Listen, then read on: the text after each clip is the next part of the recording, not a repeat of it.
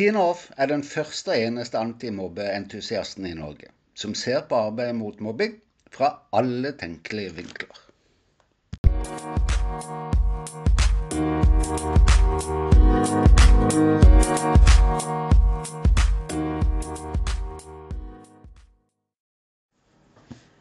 Mange har den oppfatning at det er bare å gå i gang med å justere et klassemiljø. Min erfaring er at det først handler om å skape forutsetningene for selve justeringa. Det kan kanskje høres tungvint ut, men det er det faktisk ikke. Akkurat som ved skolestart med nye elever, har jeg først fokusert på å skape meg muligheten for bygging av klassemiljøet jeg vil ha. Til forskjell da fra nyetablering av miljøer, har jeg tatt utgangspunkt i vanene når justering av allerede eksisterende miljø trengs. Som kjent legger vi oss alle til vaner i hverdagen. Makter vi å rokke ved disse, åpner muligheten seg mye lettere for å gå i gang med justering. Klart vi kan snakke om det. Velkommen til ukens episode.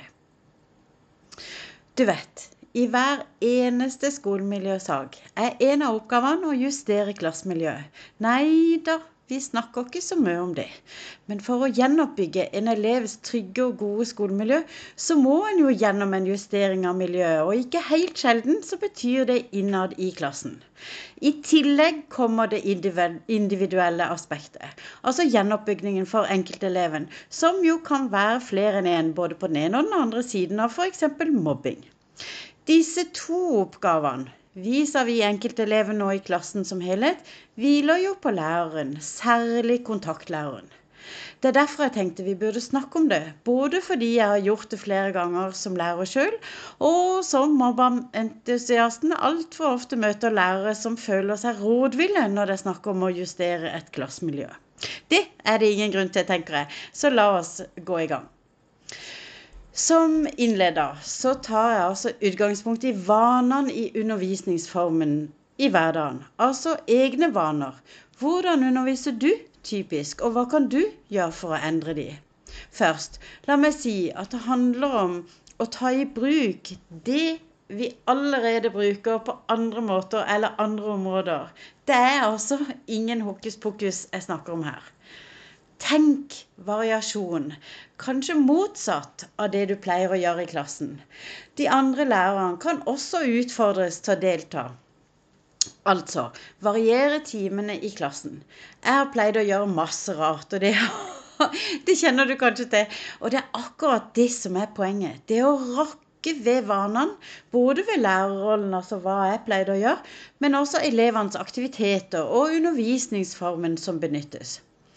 Her kommer noen eksempler som idéstarter for deg i din situasjon og sånn type lærer som du er, og på det nivået du er, og i den eh, nøyaktige klassen som da trenger en justering.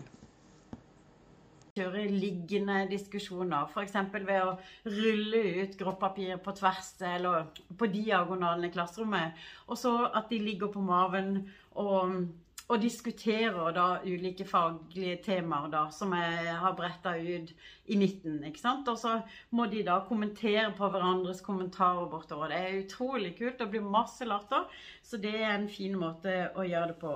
Det fordrer jo selvfølgelig at det da ikke er sko, at det er vått på gulvet og bla, bla, bla. Så det må dere nesten bare se. Kaféoppgave, altså at dere rullerer i, i disse gruppeoppgavene. ikke sant? At de mer rullerer enn det de kanskje pleier å gjøre. Det går fra bord til bord, sånn at de, de, må være sammen på kryss og tvers eh, i en langt større grad enn de kanskje pleier når de sitter bare to og to eller fire og fire i en hel eh, oppgave. Og så dette med her med denne muntlige intimsonetreninga.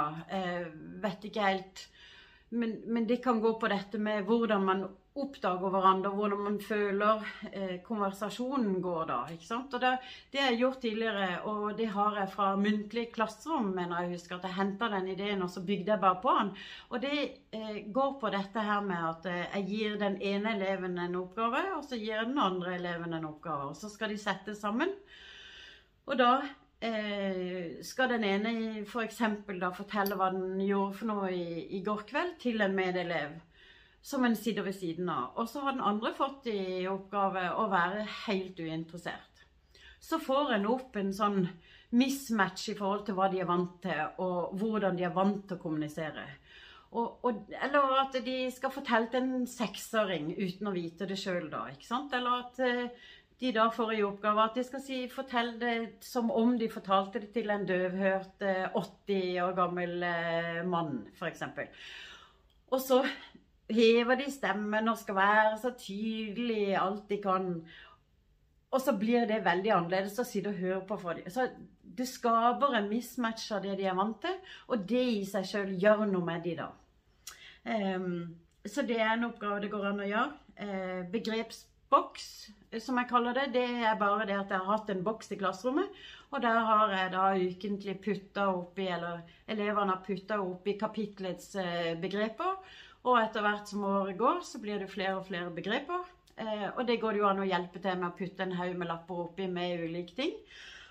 Og så skal de da opp eh, Og hvis du ikke har hatt noe sånn presentasjonstrening enn så lenge, så går det jo an da å sende opp flere ganger, sånn at de i hvert fall er to stykker oppe, så det ikke føles så skummelt. Og så trekker de en lapp, og så skal de fortelle uten å bruke det ordet, og så har du det i gang. Og så er jobben til klassen er da selvfølgelig å hjelpe til. Og det virker kanskje litt platt, da. Men, men, det sånne små ting, bare å gjøre ting litt annerledes, så kan det være nok til at det skaper noe i rommet som gjør at en får justert opp. Eh, og dermed får en sjanse til å bygge gruppa litt annerledes. Walk the talk. Sende de ut på, på at de skal gå mens de skal eh, løse noe faglig. Diskutere et eller annet faglig sammen. Det funker fint. Eh, og da kan man jo bytte på hvem det er som går eh, sammen. Og da kan de være flere enn to, og, og må løse en oppgave, da. Um, så har jeg også brukt det på høsten. Jeg har pleid å gjøre det rett før høstferien, da. Men det går fint an å gjøre det nå òg.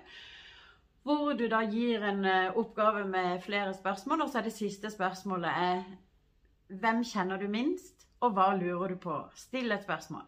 Så skal de lage et spørsmål. Og det skjønner de jo ofte ikke noe av, for jeg har brukt å putte den helt nederst på en prøve som er helt seriøs.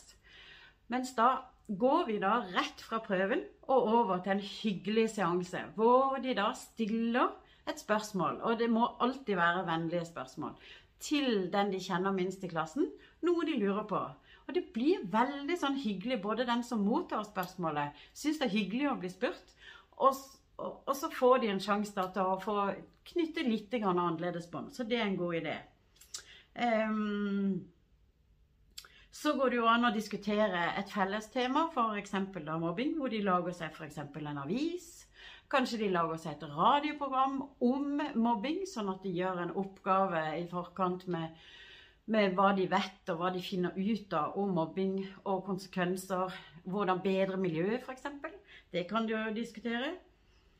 Um, og så kan de jo også diskutere ulike rutiner og ordninger som, som, trekker på lojaliteten.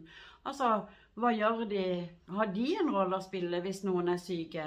Burde de ha tatt de med seg, eller hvis de bare ble borte, kanskje de kunne vippa en melding, eller stukket innom på veien til skolen, eller Altså Det fins ingen fasit her.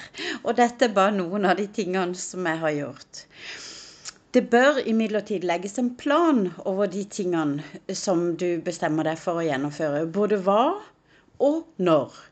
Jeg tenker at det bør rokkes ved gruppen hver dag en viss periode. Får en med seg de øvrige lærerne, så kan den perioden gjøres kortere. Følg godt med, for noen elever vil justere seg positivt bare fordi at det skjer noe nytt, mens andre vil slite med det akkurat det samme, nemlig at endringer skaper usikkerhet.